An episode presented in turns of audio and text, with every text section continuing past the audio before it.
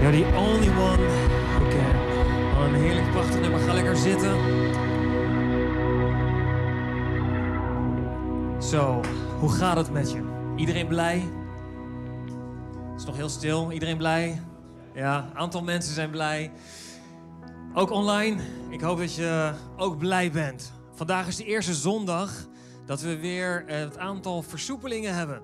En dat betekent dat we wat meer ruimte gaan maken. Ook hier zo op de plek waar we zijn. En we hebben vandaag natuurlijk de pop-up locatie die, uh, die open was. Waar, uh, ook wat, waar we wat mensen hebben mogen ontvangen. En het is gewoon heel tof om dat te doen. Dus we, waar we aan de ene kant meebewegen met de maatregelen als het wat strenger moet. Zo bewegen we ook de andere kant weer op. Op het moment als het weer wat losser kan. En uh, ik ben daar heel blij mee. En ik hoop jullie eigenlijk ook. Maar goed, basismaatregelen blijven mensen. Anderhalve meter afstand. Goed aan denken. Tickets reserveren. Alles moet hier geplaceerd zijn. Dus nou ja, dat. Hey, um, vorige maand is alweer heel lang geleden, zou je zeggen. Maar toen um, had ik deel 2 gedaan over Running with the Horses. En vandaag ga ik verder met die preek. Het lijkt als een eeuwigheid geleden, maar we hebben toen, um, wat was het ook alweer, Moederdag gehad. We hebben Hart voor het Huis, Pinksteren. Uh, Mathilde van der Heerden was hier vorige week bij ons, dus dat is alweer vier, vier vijf weken verder. En uh, vandaag is de bedoeling om weer de Running with the Horses op te pakken. En vandaag ook af te ronden. Dus ik hoop dat je met me bent, dat je er klaar voor bent. Want uh, we gaan hard, we moeten veel behandelen. Maar laten we daarom eerst even starten met gebed. Zodat we oppers geconcentreerd zijn. Heer, dank u voor vandaag en dank u voor wie u bent. Dank u voor uw aanwezigheid.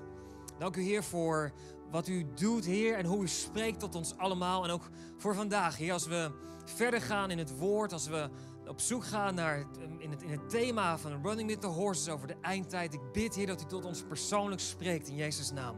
En ik bid, Heer, voor iedereen. Niemand uitgezonderd, Heer, maar iedereen. Heer, dat we iets meer mogen ontdekken van wie u werkelijk bent. Wie u voor ons wil zijn. Ik bid, Heer, dat we iets mogen ontdekken, Heer, van uw liefde.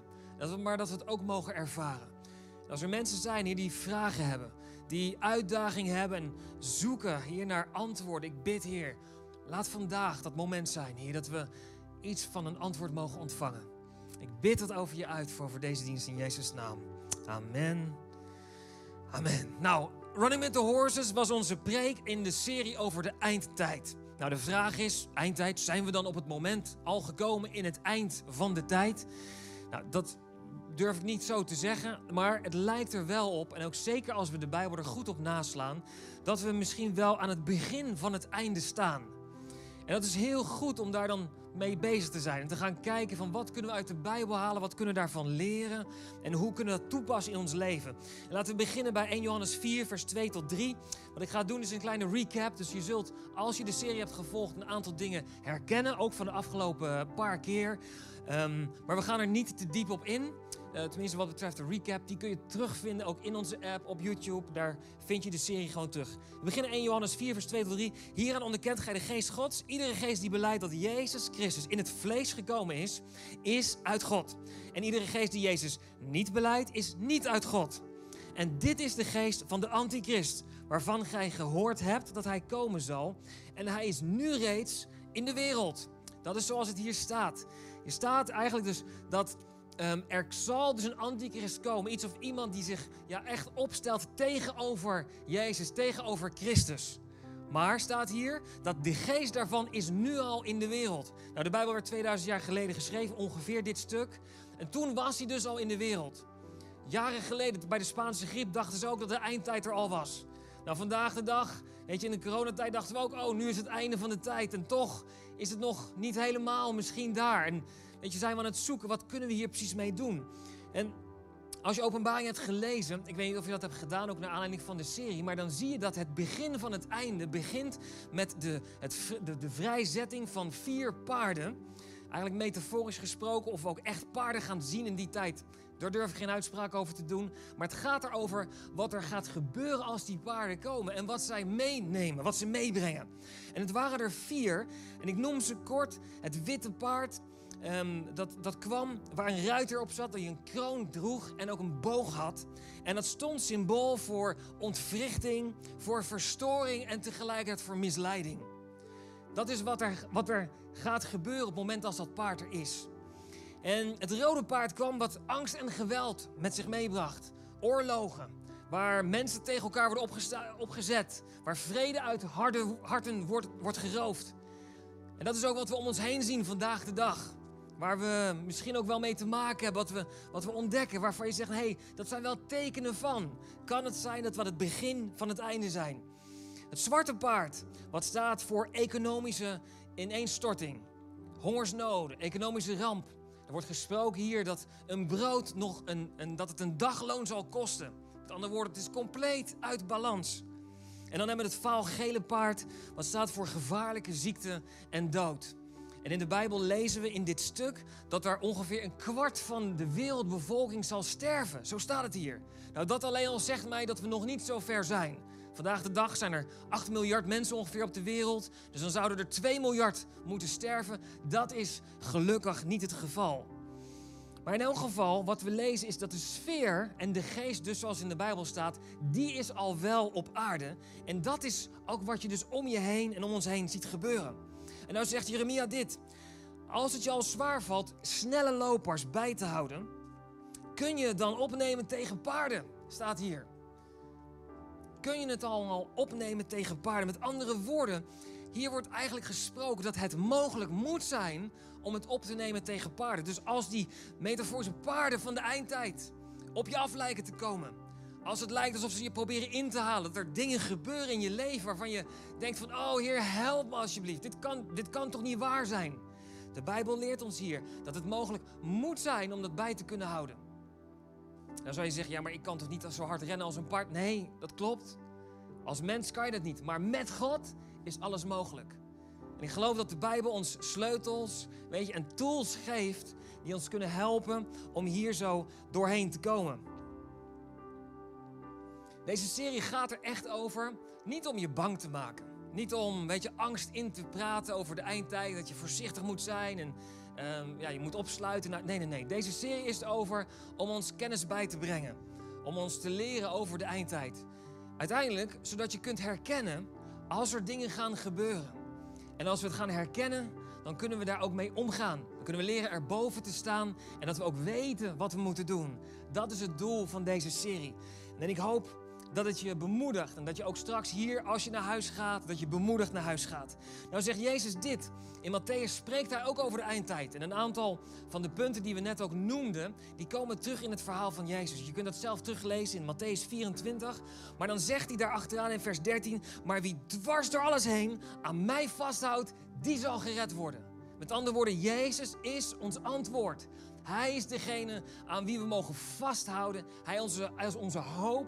Hij is ons anker die ons, waar we op mogen vertrouwen. Juist ook in moeilijke omstandigheden. En dan hebben we dit gezegd. En toen hadden we in de, in de vorige, vorige serie hadden we gezegd: oké, helder punt. Maar hoe ziet dat er dan concreet uit? Wat is nou dan dat redden met paarden?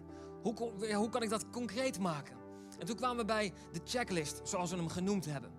We lezen in de Bijbel verschillende verhalen over de eindtijd. Petrus, eh, Jezus vertelt erover, maar ook in het Oude Testament wordt over de eindtijd gesproken. En Paulus spreekt in 1 Thessalonicense het een en ander over de eindtijd. Mooie theologische uiteenzetting, inclusief bazuingeschal, zoals het in de Bijbel staat. Maar in hoofdstuk 5 begint hij eigenlijk met een soort samenvatting waarbij hij zegt: Oké, als dit dan gebeurt, en misschien hebben we daar vraagtekens bij. Misschien weten we niet precies wat er dan gaat gebeuren. Misschien vinden we het spannend. Paulus zegt dan: Als dit dan gebeurt, doe dan dit. En dan geeft hij ons negen hele praktische tips. Die ons kunnen helpen om te kijken of dat in ons leven van toepassing is. Om uh, met de paarden te kunnen blijven rennen. Nou, we hebben de vorige keer, heb ik er vier al genoemd. En vandaag gaan we de rest afmaken. De eerste was ren met backup. Ren met backup, dat was de eerste. Het gaat erover dat God heeft ons gemaakt niet om alleen te zijn, maar om het leven met andere mensen te doen. God heeft ons in een familie, een geestelijke, maar ook in een natuurlijke familie geplaatst. Belangrijk. Het tweede punt is ren met je bediening. God heeft ons geroepen en het is, we, zijn, we zijn gemaakt om een zegen voor andere mensen te zijn. En het derde punt was ren met genade. Genade voor jezelf en ook genade voor andere mensen. Vergeef andere mensen. het moment als je andere mensen vergeeft, kun jij het loslaten. En dan ben jij er vrij van. Een belangrijke, belangrijke sleutel. Vergeef anderen, het zet jou vrij. En het vierde punt was dit, ren met vreugde. En het gaat erover dat je, het gaat niet zozeer over elke dag blij voelen, maar het gaat over dat we kunnen kiezen voor vreugde. De vreugde van de Heer is onze kracht, staat er ook in de Bijbel. Nou, ik heb een tijd geleden ook mogen spreken over hoe blijf je blij. Die kun je terugvinden ook in de app. Dus als je daar meer over wil weten, duik daarin. Nou, deze vier punten hadden we vorige keer besproken.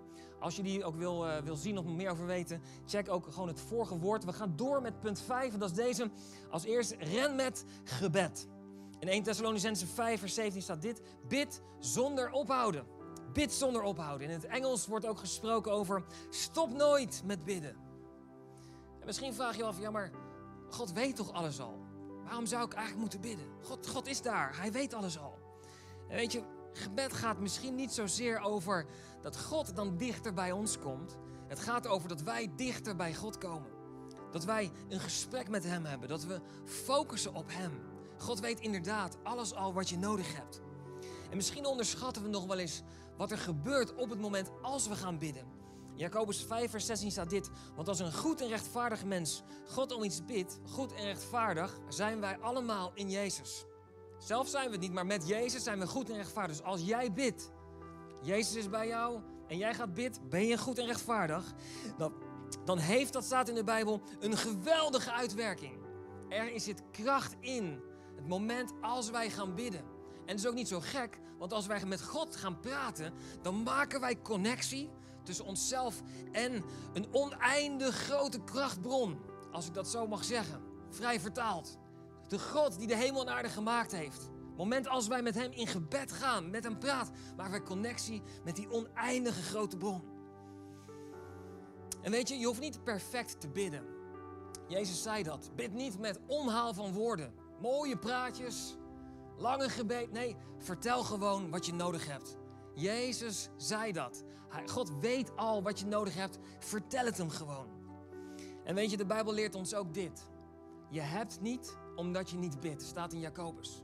Kan het zijn dat wij soms te veel nog op onszelf vertrouwen? Of denken dat we het zelf moeten oplossen voordat we weer met God kunnen praten? Kan het zijn dat je misschien die keuze moet maken: oké, Heer, ik heb juist u nodig om dingen te fixen in mijn leven. Dus punt 5, ren met gebed. Nummer 6, ren met dankbaarheid. Nou weet je, het is misschien nu met de versoepeling is weer een reden om dankbaar voor te zijn. Daar zijn we blij mee. Degenen die weer naar school mogen. Blij dat ze weer naar school, sommigen misschien niet. Maar een aantal wel, ga ik even vanuit. Blij dat dat weer kan, dat de maatregelen weet je, versoepelen. Maar dat was een half jaar, wel, een half jaar geleden wel anders. Toen zaten we allemaal, oh nee, wat gebeurt hier? Hoe kan mij dit nou overkomen? Misschien zit je hier en zeg je, ja dan, maar ik zit nog steeds in een moeilijke situatie. Ik heb nog steeds weinig reden om dankbaar te zijn. 1 Thessalonicense 5 vers 18 zegt dit. Dank God altijd wat er ook gebeurt, staat er. Want dat is wat God van jullie wil, nu jullie bij Jezus Christus horen. Dus wat er ook gebeurt, staat hier. Dat gaat dus niet zozeer over de punten waar je dankbaar voor moet zijn. Maar dit gaat veel meer over een mindset van dankbaarheid. Een mindset van dankbaarheid. En we vinden dat terug in de Bijbel in het mooie verhaal van Israël. Dat uit Egypte kwam. Was, was, was, was weggehaald daar. Mozes leidde ze uit Egypte. En ze zouden naar het beloofde land gaan. Maar toen ze ondankbaar werden en gingen klagen, wat gebeurde er toen? Het vertraagde de reis. Het werd uitgesteld voordat ze naar het beloofde land konden. En sommigen hebben niet eens het beloofde land gehaald. Met andere woorden, ondankbaarheid en klagen vertraagt je reis. Vertraagt je geestelijke reis. En dan kan het zijn dat als die paarden er zijn, dat je het gevoel hebt dat ze je proberen in te halen. Hier staat, en de Bijbel leert ons, wees dankbaar. En het zal je helpen, het is een sleutel. Nummer 7, ren met onderscheidingsvermogen. In uh, vers 19 en 20 staat dit. Doof het vuur van de Heilige Geest in jullie binnenste niet uit. Schuif profetieën niet aan de kant. Zo staat het hier in vers 19 en 20. Weet je, in het Engels wordt gesproken over onderdruk de Heilige Geest niet. Nou, een paar weken geleden hadden we Pinksteren. Was dat vorige week? Twee weken geleden hadden we Pinksteren. En toen hebben we iets meer gesproken over de Heilige Geest. Waarbij duidelijk werd dat de Heilige Geest die woont in ons. Op het moment dat we ons leven aan Jezus geven, komt de Heilige Geest in ons wonen. En hij is degene die in ons werkt en door ons heen werkt. De Heilige Geest spreekt tot ons. Bemoediging, waarheid. En de Heilige Geest is een bron van kracht. Hij geeft ons de kracht die we nodig hebben. Met andere woorden, als wij de Heilige Geest negeren, of eigenlijk proberen ja, te, te onderdrukken zoals in het Engels staat, dan missen wij wat God tegen ons wil spreken. Dan missen we wat God door ons heen wil doen. Deze bron is ontzettend, ontzettend belangrijk. En het tweede stuk over schuif de profetieën niet aan de kant. Weet je, de Bijbel spreekt, um, staat vol met profetieën. Over de komst van Jezus, over wat er in de toekomst gaat gebeuren, over de eindtijd, hè, waar we nu over gesproken hebben. Dat zijn eigenlijk al profetieën over wat er in de toekomst gaat gebeuren. En de Bijbel leert ons, weet je, schuif dat niet aan de kant, maar neem dat serieus. ik wil je ook oproepen en bemoedigen iets anders serieus nemen. Dat zijn de profetieën die over jou persoonlijk zijn uitgesproken. Ik weet niet of dat al een keer gebeurd is, maar het is mogelijk, weet je, dat iemand misschien een keer met je bidt. Die zegt van, hé, hey, ik heb de indruk dat God tegen jou wil zeggen. En daar komt iets. En kan het zijn dat en dat er iets moois uitkomt. Over de toekomst, over weet je, wat God door jou heen zou willen doen. En ik weet voor mezelf dat ik dat ook meegemaakt heb. Jaren, jaren geleden al waren er profetieën over mij die ik vandaag de dag zie werkelijkheid worden. En ik hoop en ik geloof dat het voor jou ook zo is. Dat er profetieën zijn en dat God je daarmee richting wil geven in je leven. Tot je persoonlijk wil spreken. En waar hier staat, veracht ze niet, maar neem het serieus. Neem het serieus. Nummer 8. Ren met wijsheid. Weet je, kennis gaat over dingen kennen, gewoon weten. Maar wijsheid is kennis goed toegepast. Wijsheid is wat we allemaal nodig hebben in ons leven. Vers 21, 22. Ga bij alle dingen na of het klopt eh, of het klopt en bewaar dat wat goed is, staat hier in de Bijbel. Dus wat je hoort, ook wat je vanuit een preek hoort, wat je, weet je andere mensen hoort zeggen, wat er gebeurt om je heen, ga na of het klopt en bewaar wat goed is. En doe niets, maar dan, wat dan ook maar een beetje verkeerd. Zo staat het hier in vers 22. Met andere woorden, check wat er op je pad komt. Check wat er gebeurt. Ook een profetie. Check de profetie die over je wordt uitgesproken. Ga daar in gebed mee, vraag het aan God. En weet je, Spreuken 9, vers 10 zegt dit: Eerbiedig ontzag voor de Heer is de basis van alle wijsheid. Dus als wij, wij willen groeien in wijsheid, dan zit een sleutel in eerbiedig ontzag voor God hebben. Dat is de bron van wijsheid. En het kennen van God geeft meer inzicht. En weet je, ontzag zit in het verlengde van aanbidding. Of eigenlijk zou je kunnen zeggen, het heeft met elkaar te maken. En ik weet nog dat we een paar weken geleden hebben ook gesproken over dat aanbidding een sleutel is van bescherming. Ik weet niet of je dat nog weet. Maar in Psalm 60 staat dit: dat degene die ontzag voor hem hebben, daar richt hij een banier op die je zal beschermen tegen de boog, staat er in de Bijbel. En misschien herinner je je net nog dat we het hadden over het witte paard. Het witte paard had een kroon en een boog bij zich. En die boog die staat voor verwarring, staat voor misleiding. Dat stuk en onrust wat daar staat.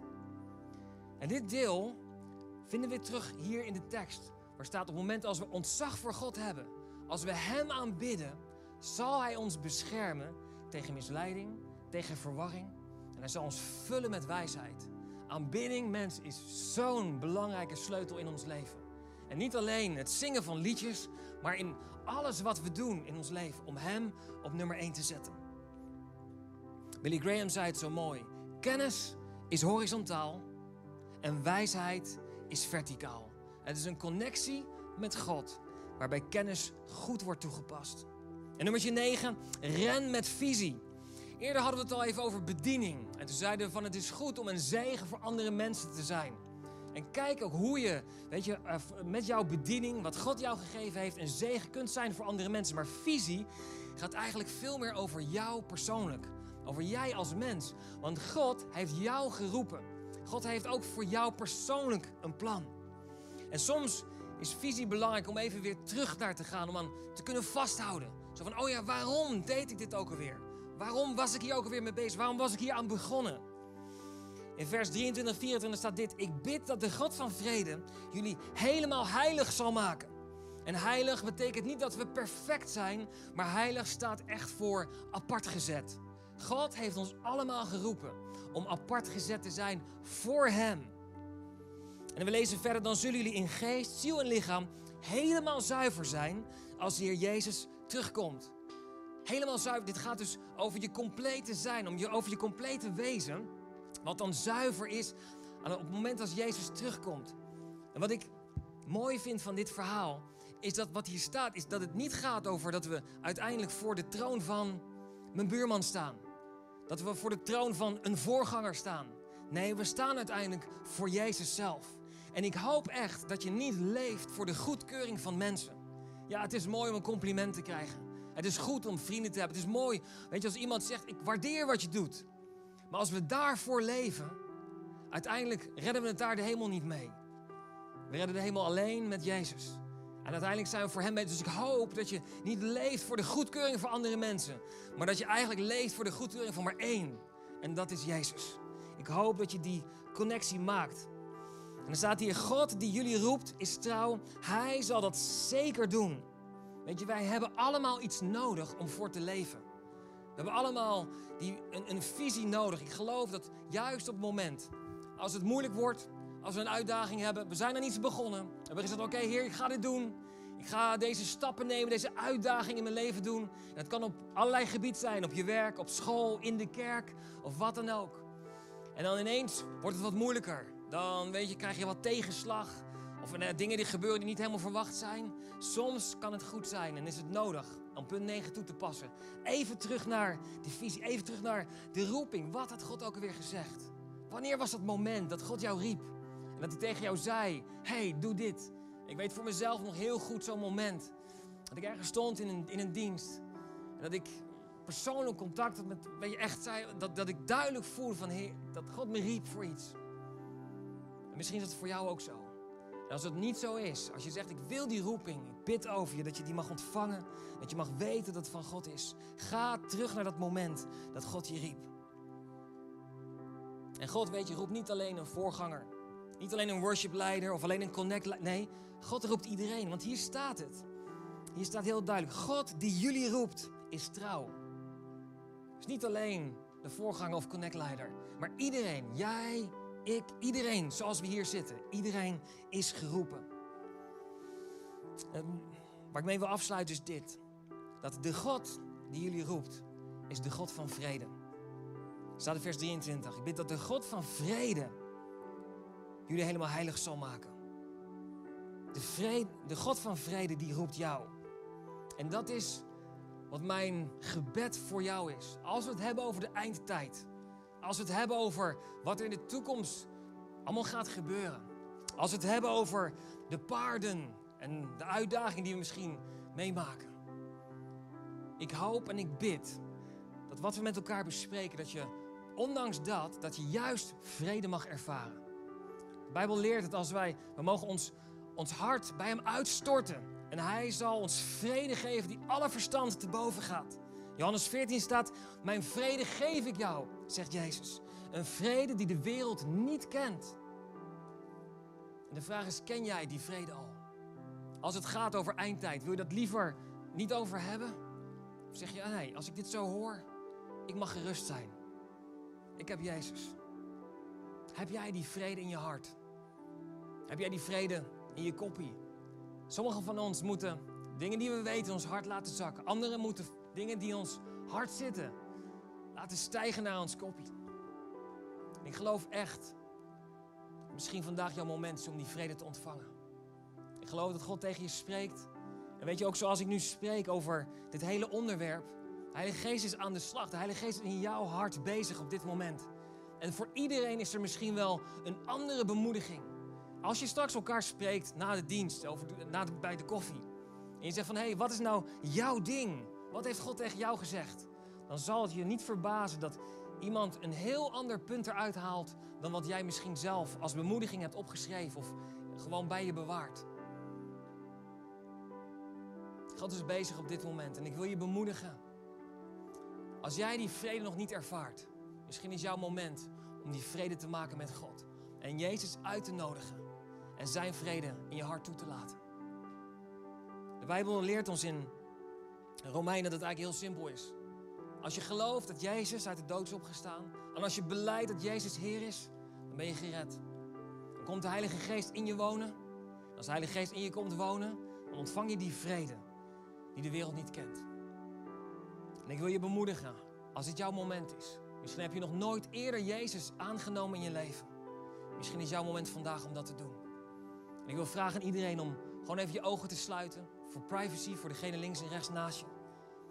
En als jij dat bent om die keus te maken, onderzoek je hart. Onderzoek je hart. Misschien heb je die keuze wel eens eerder gemaakt, maar is het te lang geleden? Dan zeg je, hey, ik wil eigenlijk opnieuw vrede met God maken. Opnieuw Jezus heel bewust aannemen. De Bijbel is helder waar staat, je mag altijd opnieuw beginnen. Je mag je opnieuw naar Hem keren. God staat klaar met zijn armen wijd open om je te ontvangen en te zeggen, welkom thuis, lieve zoon. Als het voor jou is, dan vraag je, wil je deze keuze maken? Doe dat op dit moment. Ik wil heel graag een gebed hardop uitspreken, wat je zachtjes mag meebidden. En ook voor online, als je thuis bent of dit later hoort. Als dit voor jou is, maak die keuze. Ontvang Jezus. Als je wil en die keuze maakt, bid mij gewoon zachtjes na op de plek waar je bent. En zeg dan, lieve Jezus, dank u voor vandaag. Ik heb u nodig. Vergeef mijn fouten en help me opnieuw te beginnen. Stel mijn hart open en ik ontvang u. Wilt u mij vullen met uw vrede. Ik ontvang nieuw leven. En vanaf vandaag bent u mijn leider, mijn redder en mijn beste vriend. In Jezus' naam. Amen. Zo fantastisch mooi. Als jij deze keuze gemaakt hebt, dit is echt de beste keuze die je kunt maken. Jezus aannemen in je leven. De Bijbel leert als we dat doen, dan ben je gered voor de eeuwigheid. Ik ben trots op je, maar niet alleen, kijk, hier is een heerlijke mooie sfeer. Maar de Bijbel staat dat elke keer als er een keuze wordt gemaakt voor Jezus, is er feest in de hemel. Daarom ook in City Life Rotterdam houden we van stevige muziek. Zitten we in een club. Nee, dat is een grapje, maar... Hey, als je die keuze gemaakt hebt, je hebt nog geen Bijbel, dan krijg je die van ons. En ook online, als je die nog niet hebt, laat het aan ons weten. Als je nog persoonlijk gebed wil, naar aanleiding van iets wat je gehoord hebt, loop even langs onze prayer zone zometeen. Ook online, weet je, klik op de link onder de video. En maak contact met iemand van ons team. We willen er heel graag voor je zijn. Hey, dankjewel voor het luisteren. Deze serie is bij deze afgerond. Ik hoop dat het je bemoedigt en dat je opgebouwd naar huis gaat. Want dat is de bedoeling van deze serie. Dat we het weten, dat we het herkennen, dat we weten hoe we erboven kunnen staan en dat we waarmee hebben afgerond. Dat je kunt zeggen, ik heb de vrede van God in mijn hart. Amen. Laten we kijken naar een mooie video.